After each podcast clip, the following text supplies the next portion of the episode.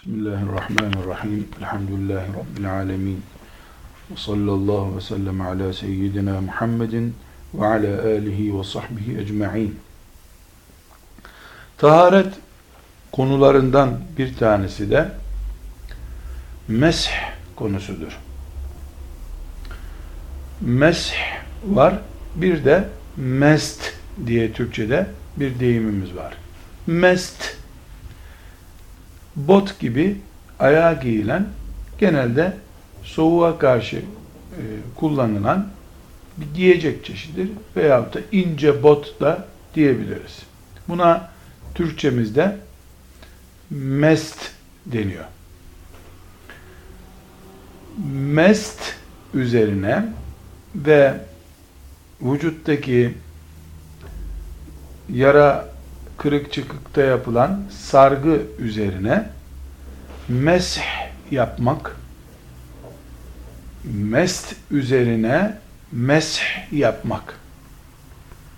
Abdesti ve guslü birinci dereceden ilgilendiren mesele olduğu için bütün fıkıh kitaplarında mesh konusu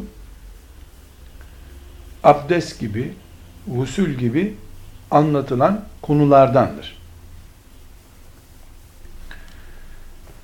Özellikle ayaklara giyilen ince bot gibi olan ve huf denen giyecek giyecek çeşidi Resulullah sallallahu aleyhi ve sellem Efendimizin zamanında da vardı.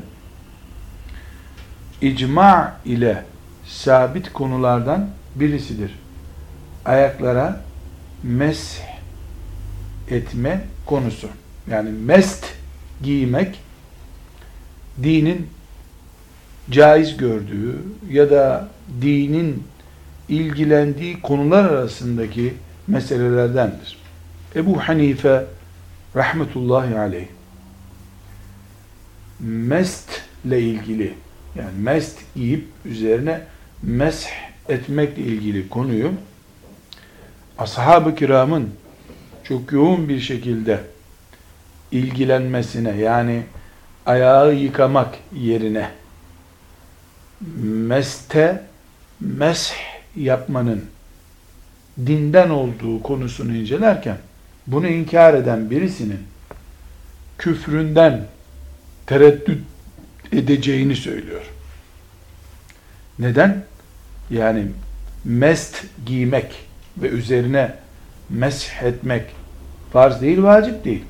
Yani Müslüman ayağı üşürse veya başka bir nedenle ayağına mest giyip üzerine mesh edebilir.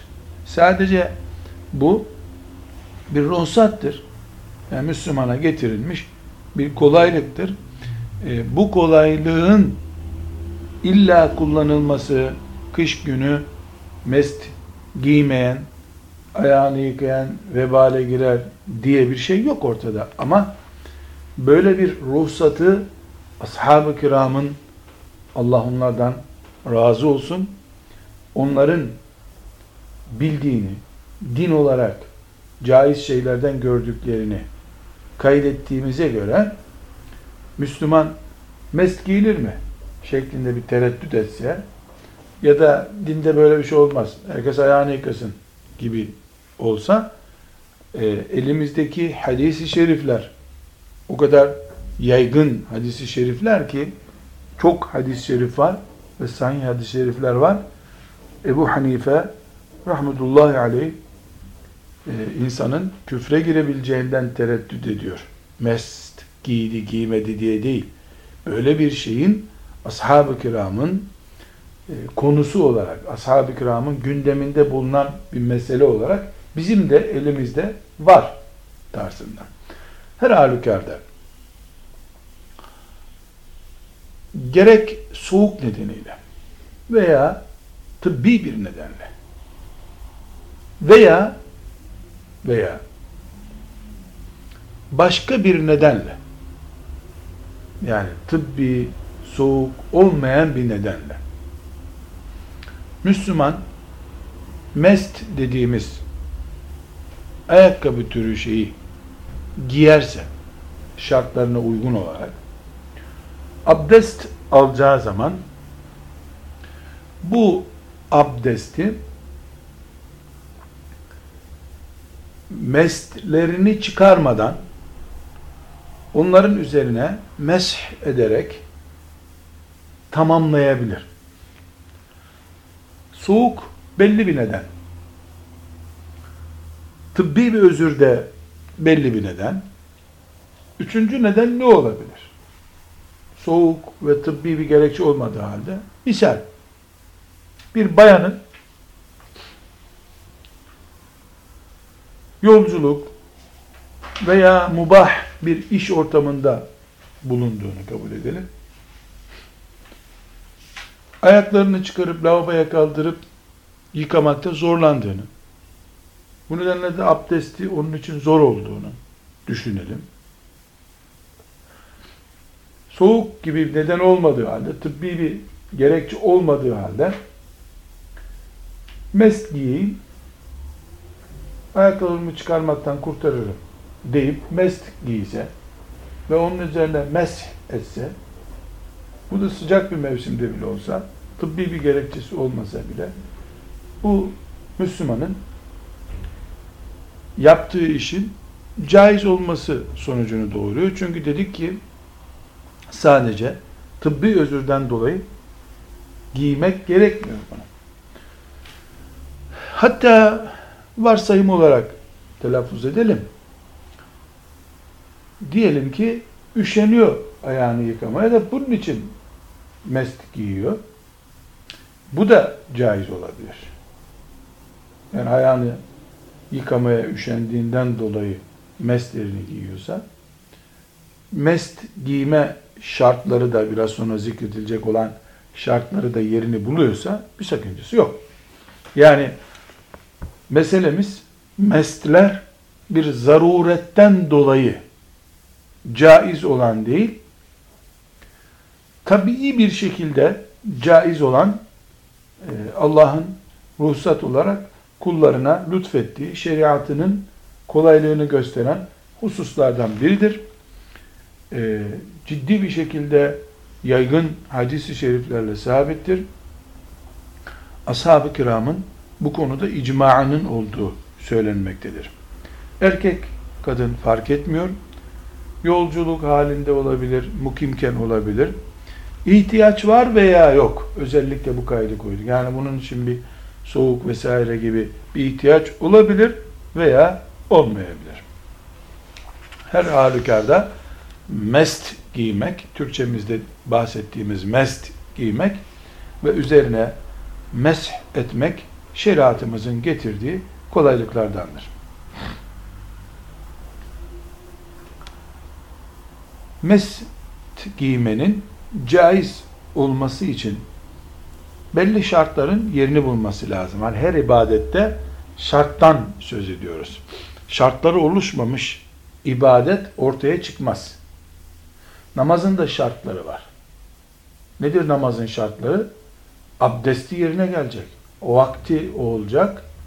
İşte vesaire kıbleye dönülmüş olacak. Ondan sonra namaz diye bir ibadet gündeme gelebilir. E, vakti gelmemişken, öğlenin bir saat varken öğle namazından söz edilemez. Öğle namazına hazırlıktan söz edilebilir. Aynı şey mest işi içinde geçerli. Mestin de kendine göre şartları var. Bu şartlar yerine gelirse eğer mest giymek caiz olur. Üzerine de mesh edilebilir. Birinci şart mest giyebilmek için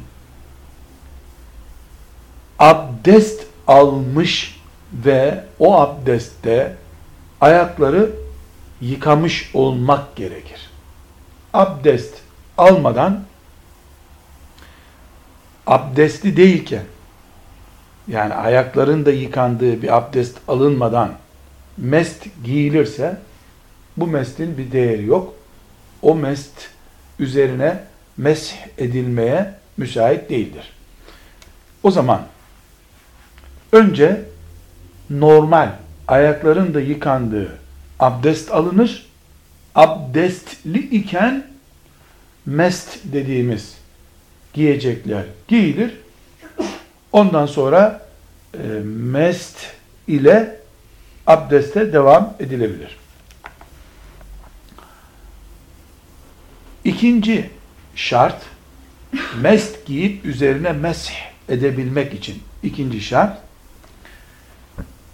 mest dediğimiz giyeceklerin adına ayakkabı, bot, çorap gibi ne isim veriyorsak artık bunların ayak e, topu, topuklarını aşacak büyüklükte olmaları gerekir. Yani ayakkabı hacminden biraz daha yüksek, az bir bot gibi, e, ince ya da kısa bot gibi diyelim.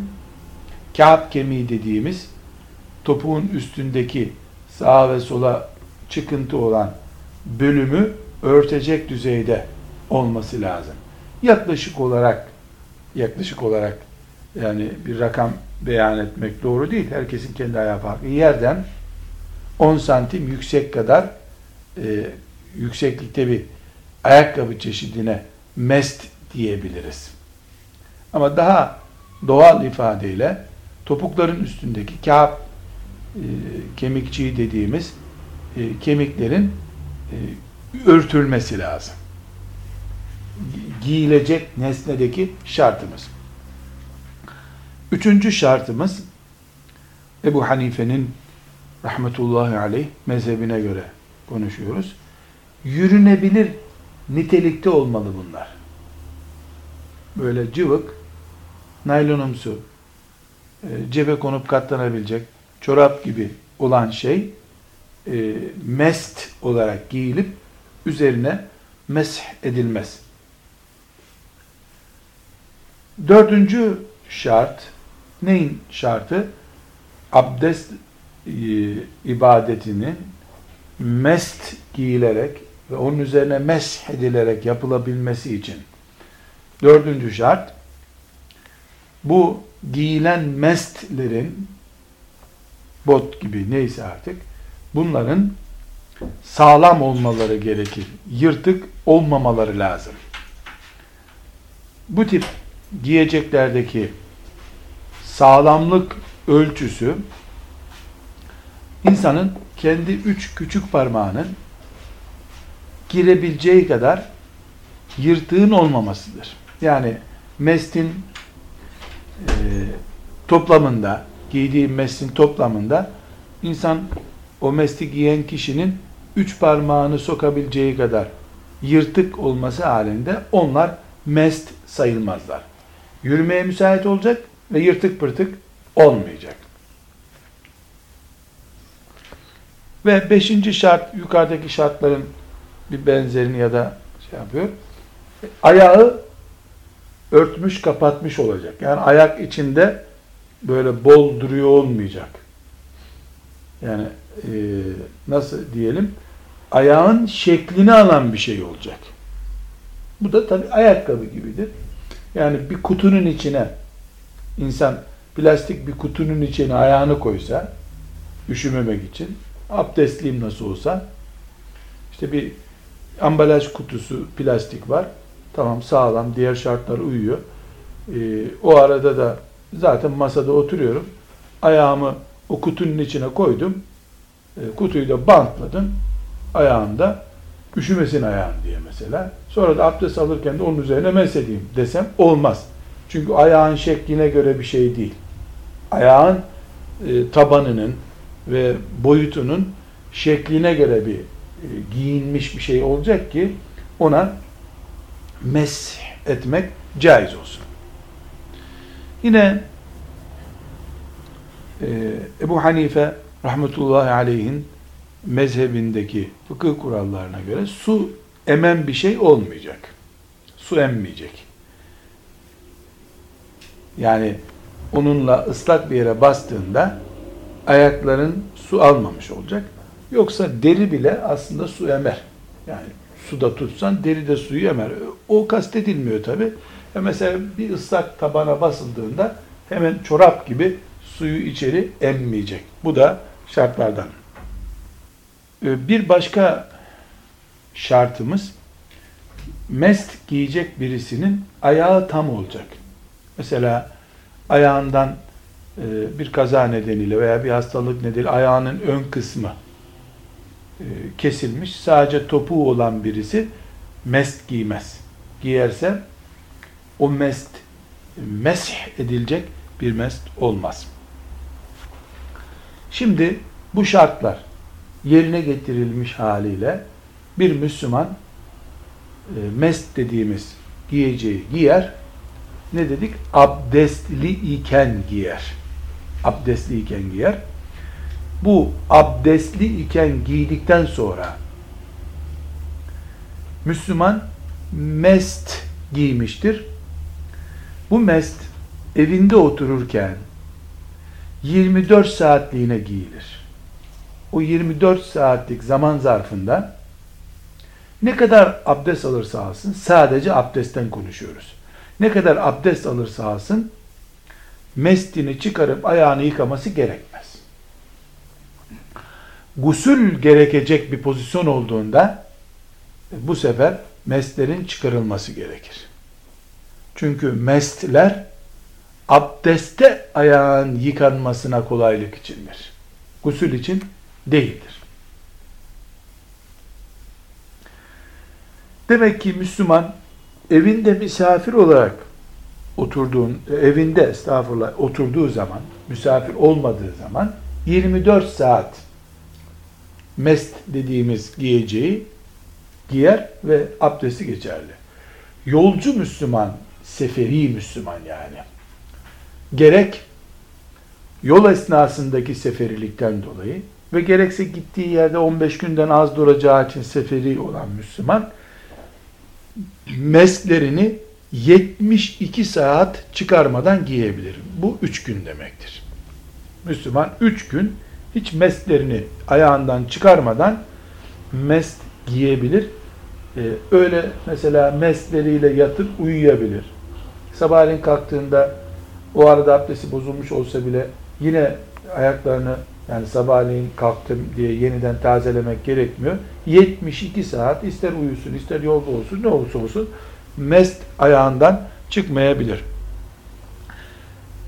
Mestler gerek 24 saat dediğimiz ve gerekse 72 saat dediğimiz sürede ne zaman başlıyor mest süresi? Mestin e, ayağımızdaki giyiliş süresi ne zaman başlıyor? Burada ince bir husus var. E, mest aletini, giyeceğini ayağımıza giydik. Ne zaman giydik? Abdest aldıktan sonra şüphesiz. Yani ayağımızı yıkadık, meslerimizi giydik. Süre başlamadı henüz. Örnek verelim. Sabah 9'da abdest aldık, meslerimizi giydik. Henüz o meslerin üzerine meshetmedik tabi. Çünkü biz normal abdest aldık. Ama meslerimi giymeye de karar verdim. Henüz sürem başlamadı. 24 saatlik süre. Devam ediyorum, ediyorum, ediyorum. Saat 11'de abdestim bozuldu. Abdestimin bozulduğu dakika saat 11 ise mestlerin süresi de başlamış oldu. Bir dahaki 11'e kadar yani 24 saat sonrasına kadar bu mestler üzerine mesh etmem caizdir. Demek ki ayağıma giydiğim süre değil, onu ayağıma giydikten sonraki abdestin bozulduğu dakikadan itibaren 24 saat sayıyoruz. İki hususu belirtmemizde fayda var. Birincisi bu saat tespitinde ulema arasında farklılıklar var. Ben Ebu Hanife rahmetullahi aleyhim mezhebindeki farkı esas alarak söyledim. Bu, bu saat böyle başlıyor. İkincisi Çok önemli 15 dakika 20 dakika? Zaten akşam çıkarıyorum 5-10 saatliğine giyiyorum. Düşünmeyelim. Bilhassa yolculukta çok önemli bir sorun bu. Yani 72 saat 15 e, dakika önce dolduysa veya 1 saat sonra dolduysa yolculukta iki rekat namazın çok zor, sıkışık olduğu, abdestin sıkışık olduğu, bilhassa soğuk yerlerde ayakkabı çıkarmak, mes çıkarmanın kolay olmadığı yerler için düşünelim. Bir de mesela e, biraz sonra örnek olarak göreceğiz. Askerlik yapan birisi ya da benzeri bir görevi olan. İlla askerlik şart değil. Sahrada çalışan, dağlarda işte bir e, dağ kazımında, tünel kazımında çalışan birisi botları üzerine mest yapabilir. Botlarını mest olarak kullanıp bot üzerine mes yapmak caizdir kadın veya erkek. E, dolayısıyla yani e, onların üzerine mes yapıyor. Namaz vakti de üstündeki çamuru, pisliği temizliyor. Çünkü temizlemede ne demiştik? Sürtünme bir temizlik çeşididir. E, ayakkabıya ne kadar necaset bulaşırsa bulaşsın, yol yürüdükçe o necaset temizlenir. Sürtünme temizleme nedenidir çünkü. E, namaz kılacağı zaman botlarını o niyetle abdestliyken giyen birisi botunun üzerine mes yapar. Hiçbir sakıncası yok. Çünkü bot e, meshin yani gerektirdiği şartları kat kat barındırıyor. Ayağa giyilen e, mes dediğimiz şeyden çok daha kaliteli. Mes, mestin üzerine mes yapılıyorsa botun üzerine defalarca yapılır. Mesela bir yürüyüşe çıkılmış, e, dağ yürüyüşüne çıkılmış, e, botlar giyilmiş bu arada. Onlar mest gibi kullanılıp üzerine mesh edilerek çok rahat namaz kılınır. E, biz tabi namaz deyince evde halının üzerine seccade sereceğiz. Seccadenin üstünde de iyice onu silkeleyeceğiz tozları olmasın. Böyle nazik namaza hep alıştık. Namaz dediğin dağda, bayırda, çimende, çayırda her yerde kılınır. Ve namaz odur aslında. Yani yemyeşil çimenlerin üstüne halı serip de halının üstünde namaz kılmakta bir miktar komiklik var. Asıl namaz zaten toprak üzerine alnını koymaktır. Allah ashab-ı kiramdan razı olsun. Mescit çamurdu da rica ettiler aleyhisselam efendimize çakıl döşeyelim bunu dediler de güya işte düzgün çakıllar buldular mescidi döşediler çamurlanmasın üstleri diye yağmur yağınca çok çamur oluyormuş. Ee, yani asas namaz böyledir. Ee, binaenaleyh botla namaz kılınır deyince insana böyle bir değişik düşüyor. Botla hiç namaz olur mu? Hayır. Temizlik konusunda ne dedik? Sürtünme, sürtme de bir temizlik çeşididir. Yani ayağın zaten botun altı genelde kirleniyor. 5 kilometre yol yürünmüş bir botta e, kirlilik kalmaz. Namaz kılacağın zaman eğer bir çamur vesaire varsa onu da ayağının altıyla sert bir zemine sürttün mü temizliktir.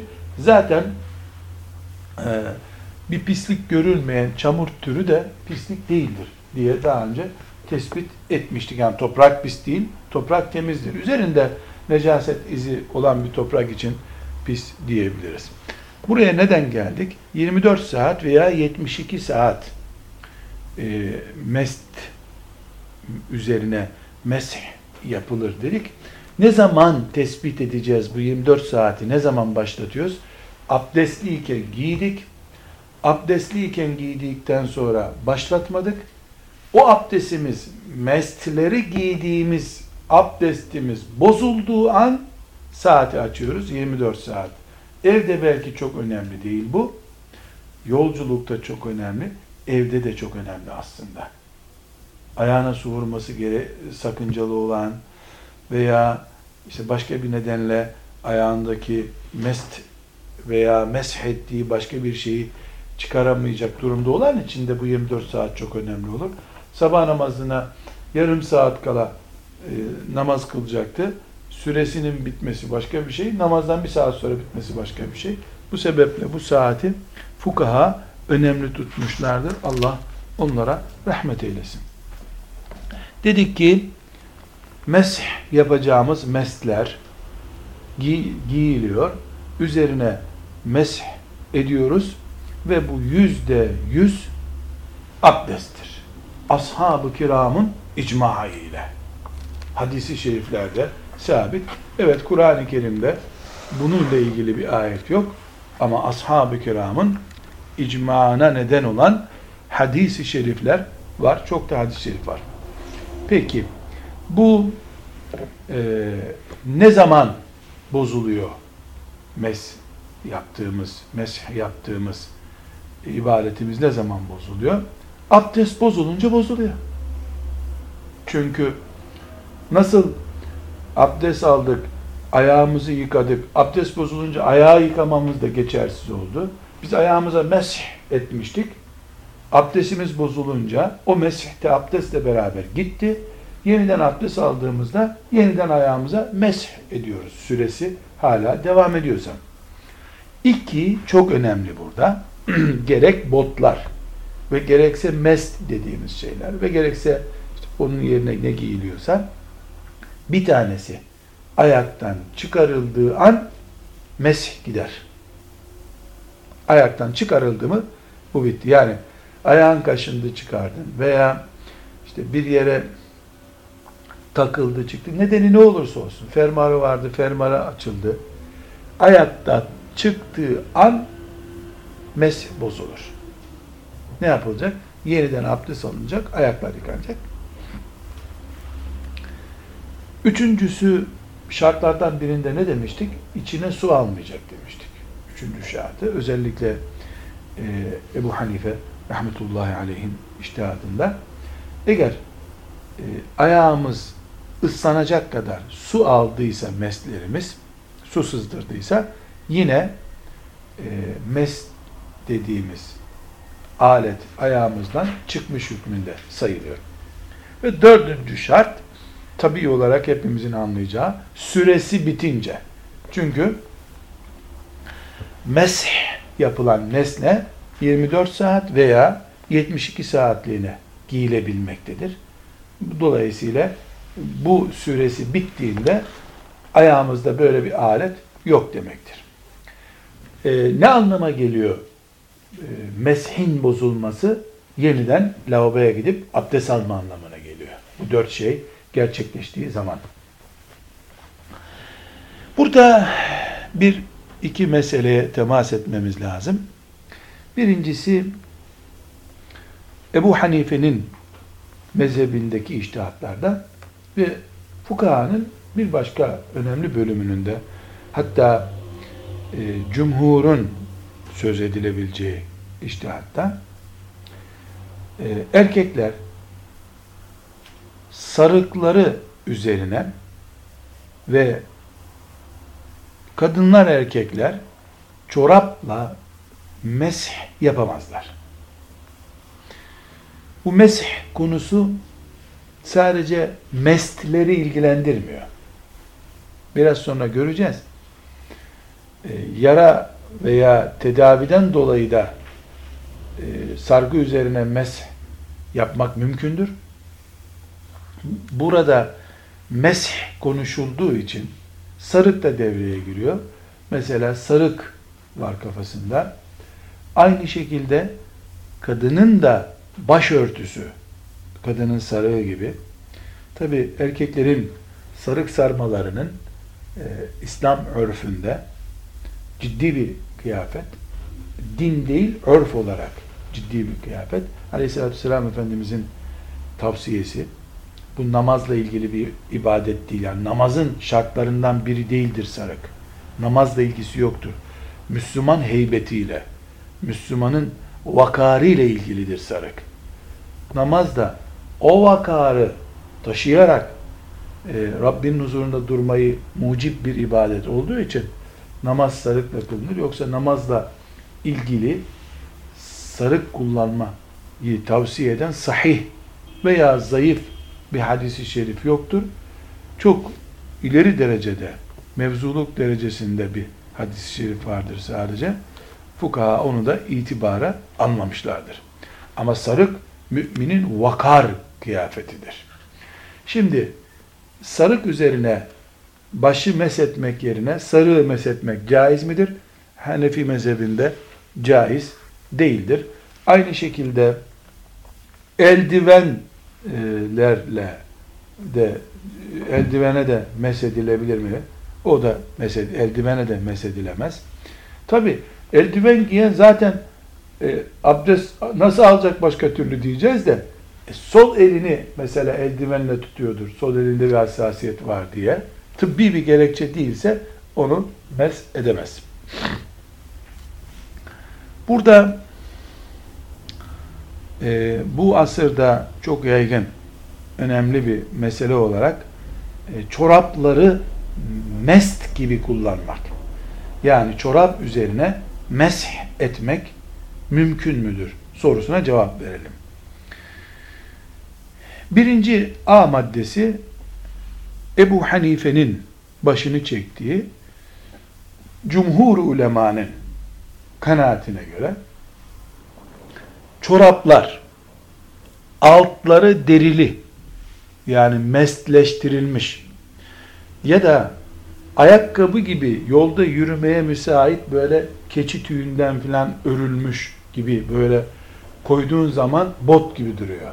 Öyle bir kalın çorap değilse çorap mest gibi kullanılmaz. Bu önemli bir husus. Cumhur ulemanın e, görüşü budur. Çorap mest gibi kullanılamaz. Caiz değildir. Yani çorap üzerine e, mesh yapılmaz. Mest ne dediysek deminden beri o niyetle kullanılmaz.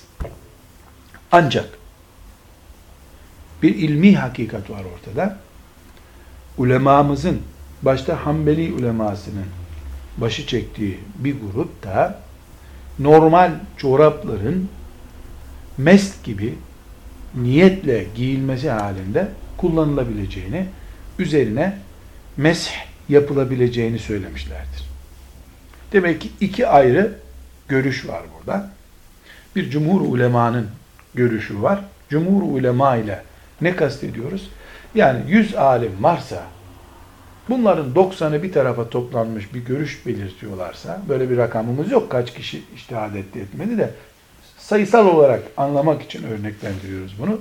İşte 100 müçtehit varsa bunların böyle göz çokluğu 90, 85, 95 gibi bir rakamı bir aradayken fukaha, cumhuru ulema yani alimlerin yoğunluğu, yoğunluk tarafı yüzde 51'i değil.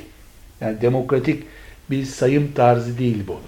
Böyle yoğunluk yüzde 51 gibi bir rakam değil de yüzde 85, yüzde 90 gibi kahır ekseriyet olan tarafına cumhur deyimi kullanılıyor. Bu cumhur uleması çorap üzerine mesh yapılamaz demişlerdir. E, bu nereden kaynaklanıyor? Bu iştihat farklılığı nereden kaynaklanıyor? Gerek ashab-ı kiramın, gerek Resulullah sallallahu aleyhi ve sellem Efendimizin mesh etmesiyle ilgili ayrıntılara bakıyorlar. E, bu ruhsatı nerede kullandılar? İşte filan e, mest denen alette kullandılar. O meste bakıyorlar. E, bu üstünde yürünebilecek bir e, kıvamda, deriden veya başka bir şeyden yapılmış bir malzemeydi diyorlar. E, çorabın üzerine mesh yapılabileceğine dair e, sahih olduğuna inandıkları bir delil de göremiyorlar. Diyorlar ki caiz değildir. Öbür ulema, Allah onlardan da razı olsun, bakıyorlar ki bu bir ruhsattır. Yani mümine rahatlık ruhsatıdır. Bu ruhsatta illa deriden yapılmış ve şu kıvamda bir e, giyecek çeşidi olacak diye bir sınırlayıcı nas da bulamadık biz diyorlar. Madem Allah Teala böyle bir ruhsat e, müsaade buyurdu, o zaman bunun e, biz bu ruhsatı burada da kullanabiliriz diyorlar. Her halükarda e, biz meseleye nasıl bakacağız? Hanefi mezhebine müntesipsek eğer, Şafii mezhebine müntesipsek e, lauballeştirmeyeceğiz işi. Ama filan Müslüman Hanbeli mezhebine müntesiptir. E, Hanbeli mezhebinde de onun çorabına ruhsat verilmiştir. Dolayısıyla bu Müslüman bunu o ruhsatı binaen yapıyordur. Bu Müslüman vay ayağını yıkamadı diye üzerine çullanmamız caiz değildir. Ee, neden? Bu indi zevke göre, keyfe göre e, uygulanmış bir şey değil. Bir iştihada binaen yapılıyor ve burada bir laubalilik, su istimalde söz konusu değilse mesele yok demektir. Bu konuda bir ayrıntı daha var. Özellikle istihaza halinde olan yani aybaşı kanamasının üstünde çok yoğun kanama geçirdiği için e, özürlü dediğimiz hanımlar için geçerli bir şey özellikle söylüyorum. Özürlü durumunda olan veya başka nedenle özürlü durumunda olan hanımlar. Ne dedik? Her vakit abdest almaları gerekiyor. Özürlü hükmünde oldukları için. Şimdi bunlar her vakit abdest alacakları için yoğun bir abdest almaları gerekiyor. Bir bu bakımdan bir de e, bunlar özürleri bilhassa istihaza kanından dolayı yani aybaşının çok yoğun olmasından dolayı özürleri sürekli olması hasebiyle mest giyebilirler mi? diye sorduğumuzda cevap olarak mest giyebilirler. Hiçbir sakıncası yok. Bilakis onlar için daha büyük bir rahmettir bu. Yani sürekli abdest alacaklar. Eğer mest bir Allah'ın ruhsatı, şeriatının kullarına kolaylığı ise herhalde herkesten önce bu özür sahiplerinin bu kolaylıktan, rahmetten istifade etmeleri uygun düşer. Burada dersimizin başında dedik ki meselemiz yani mesh meselesi iki başlıklı bir meseledir. Mestlere mesh etme meselesi var. Bir de yıkanacak bir organa mesh etme meselemiz var. İki, biz mesh deyince hep e, mestlere mesh etmeyi konuşuyoruz. Yaygın bu olduğundan dolayı yoksa e, mesh mestlere meshetmek yıkanacak bir organı yıkamak mümkün olmadığı için Müslümanın yıkama yerine mesh etmesi diye bir şey var. Şimdi bunu biz umumen kırık çıkıklarda doktorların kırık çıkığı alçıya alması gibi bir örnekte görürüz hep. Tıp gelişince suyun belli yerlerde insanların kullanmaması gerektiği şeklinde bir ikaz e, karşımıza çıkıyor. E, mesela bazı bilhassa bayanlarda yaygın olan e, ve belli bir sert çorabın ayakta işte en az 20 saat çıkarılmadan giyilmesi gerektiği bir hastalık çeşidi var.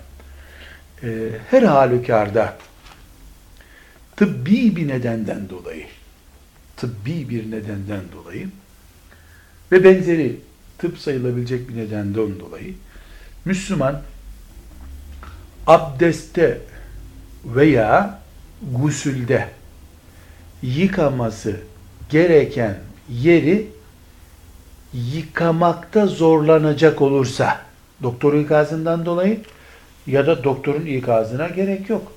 Mesela filan e, merhemi sürüyor. Bu merhem 15 saat vücutta kalması lazım diyor. Ya da suyu değdirince o da görüyor ki alttaki ağrıları azmaya başlıyor. Yani illa doktoru e, doktor raporu, heyet raporu gerekmiyor. Çünkü Müslümanın kendi tecrübesi, çektiği sancısı da bir tür onun doktor raporu gibidir. Müslüman bu durumda ne yapar? Vücudunun tamamında böyle bir sıkıntı varsa, vücudunun çoğunluğu böyleyse, arızalıysa, teyemmümde ne kural koymuştuk? Teyemmüme başvurur demiştik. Çünkü onun için su kullanmakta sıkıntı var. Eğer tamamı vücudun böyle bir arızayla e, müptela değilse o zaman e, Müslümanın arızalı vücudunu mesela alçıya alınmış vücudunu mesh etmesi caizdir.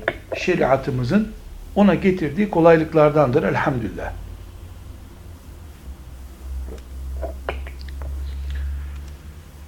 Bu bilhassa e, kol kırığı, ayak kırığı gibi, alçıya alınmış gibi meselelerde geçerli. Bir de şöyle geçerli. E, mesela bir yara tedavisi söz konusu. Bu yara tedavisinin suya değdirilmemesi gerekiyor. Ya da üzerinde pansuman malzemesi var. Daha da enteresanı, mesela çalışırken Müslüman parmağını kesti, parmağı kanıyor. Bant koydu üstüne. E şimdi bantı çıkarsa gene kanayacak. Ve orayı yıkasa kanayacak. Yani yara bantı dediğimiz şeyi konuşuyorum. Tabi bu cazip böyle basit bir sivilce gibi bir şey için konuşmuyoruz biz. Yani namazın çıkmasına yarım saat var. E, Müslümanın eli sürekli kanıyor. Bantı çıkarsa kanama devam edecek. Hele suyu deyince, yara suyu görünce biraz daha kanayacak. Ne yapar Müslüman? Bantı çözmez. Ha kolu bütün olarak alçıya, yani alçıdaymış veya yanık tedavisi görüyor maazallah. Ya da bir ufak sivilce kadar bir yara. Önemli olan e, yani böyle bir kaşıntıyı söz etmiyoruz, sivilceyi söz etmiyoruz. Sivilce kadar ama e, çok da kanama yapıyor. E, hem zarar veriyor, kan kaybına neden oluyor, hem de abdesti toparlayamıyor Müslüman. Bantını çözmez. Alçısını açması gerekmez. Ve şeriatımızın mestlerden farklı olarak bize getirdiği bir hususta mesela doktorun kolu alçıyı alırken abdestli olması gerekmiyor Müslümanın. Veya o bantı sararken abdestli sarmak gerekmiyor. Ama mestlerde şart neydi? Abdestli giyeceksindi. Abdestli giyeceksin buydu. Mesh konusunda birleşiyorlar ama mestin şartlarında farklılık çıkıyor ortaya. Bu çok önemli bir husus. İkincisi yani bu bantın, sargının abdestliyken yapılması gerekmiyor. Kanama halinde veya abdestsizken yapılır. Daha sonra biz abdest alırken onun üzerine mesh ederiz. Meshi tarif edeceğim. Gerek meshlerdeki yani meslerdeki meshimiz ve gerekse bu sargılardaki mes eli ıslatıp elin üç parmağıyla veya dört parmağıyla mesela ayağın tırnağından yukarı doğru bir çekmektir. Tıpkı başı mesettiğimiz gibi abdestte. Kol alçıdayken de kolu yıkamıyoruz. Elimizi ıslatıp o e, alçıda veya da pansumanda olan yerin üstünden rutubetli elimizi geçiriyoruz. O da zararlıysa mesela el rutubetliyken pansumana dokunmasız alttaki yarayı incitiyorsa onu da yapmak gerekmiyor o zaman. Çünkü Allah'ın dini kullarına zorluk olmayacak şekilde kurulmuştur.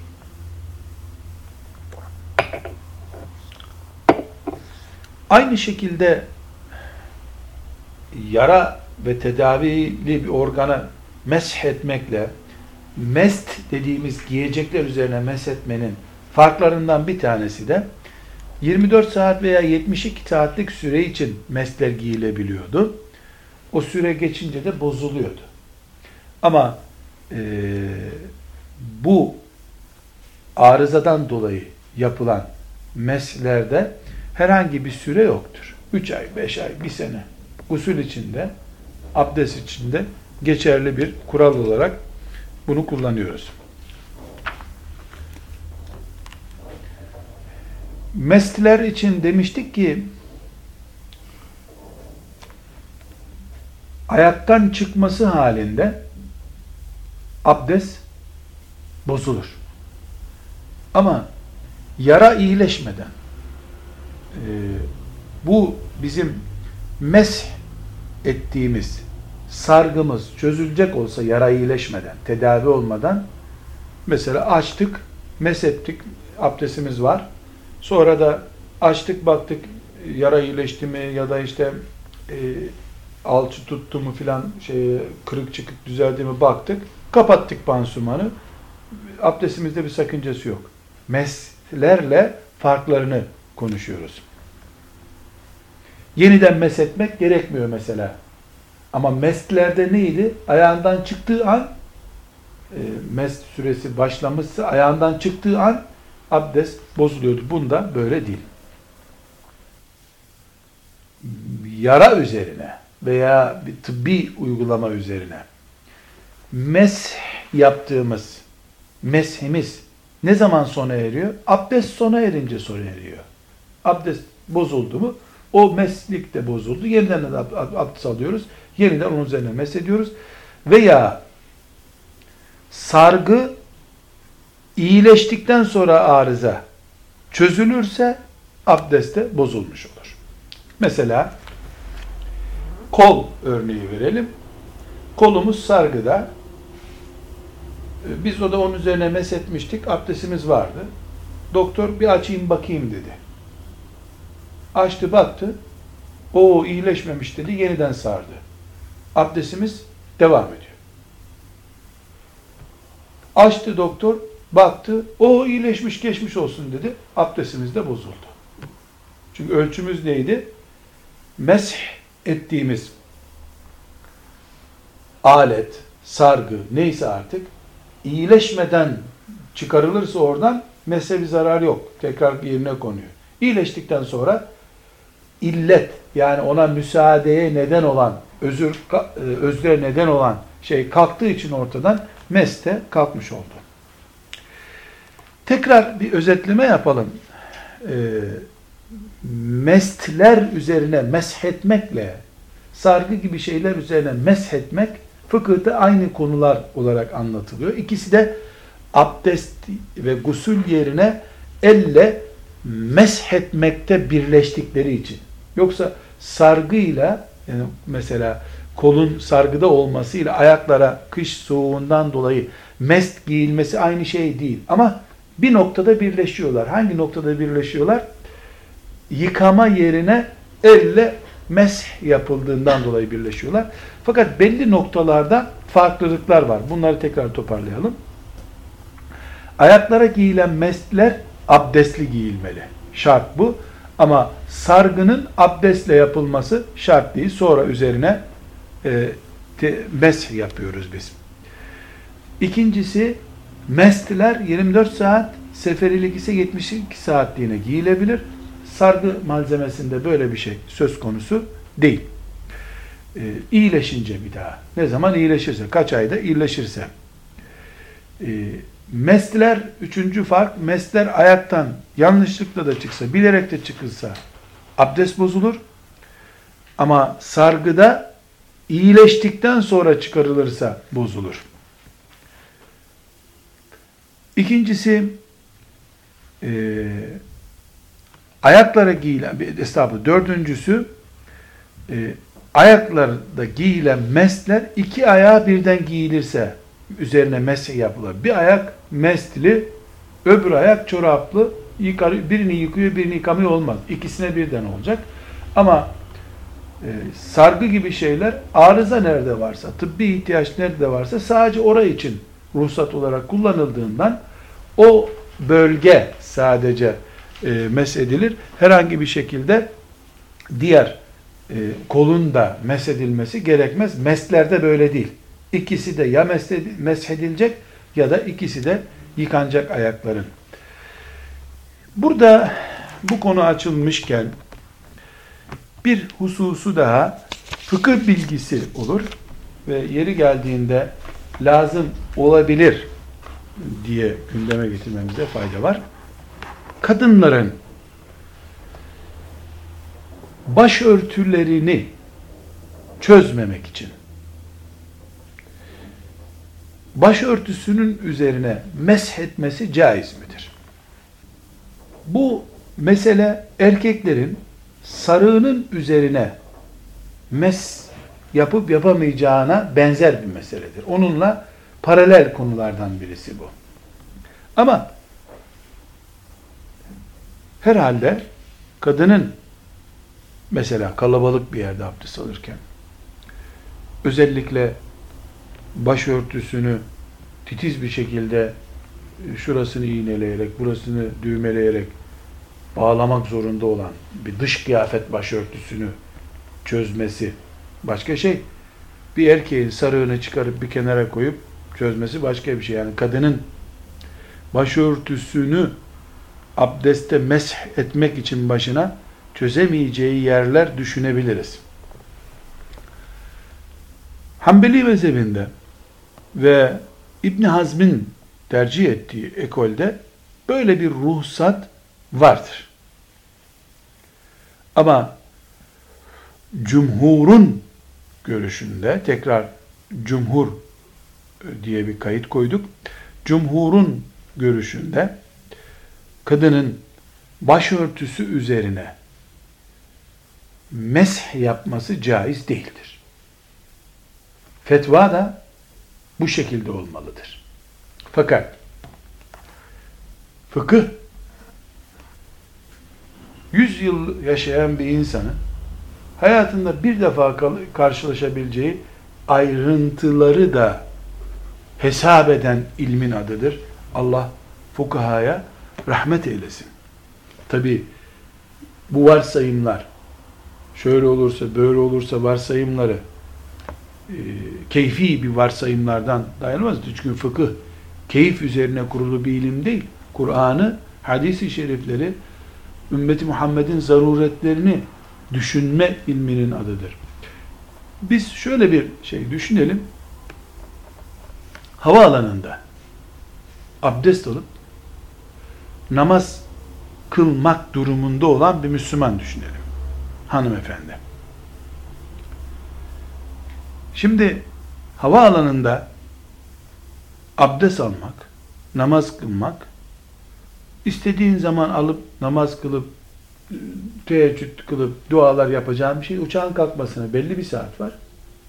Sen bir zaruri yolculuk yapıyorsun. Bir erkeğin havaalanında abdest alması bilemedin 3 dakika sürer. Haydi olsun 5 dakika. 5 dakikada da namazı kılsa 10 dakika eder.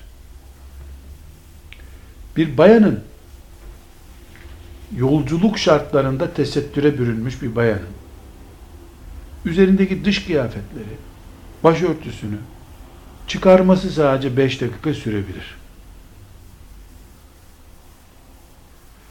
Belki tuvaletlerdeki tesettür bakımından bir sakınca olmayacak.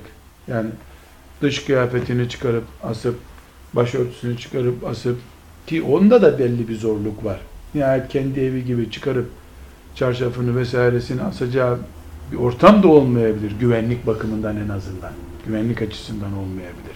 Hadi diyelim iki bayan girdiler, biri e, kıyafetlerini tuttu. Burada bir zamanla yarış söz konusu olabilir.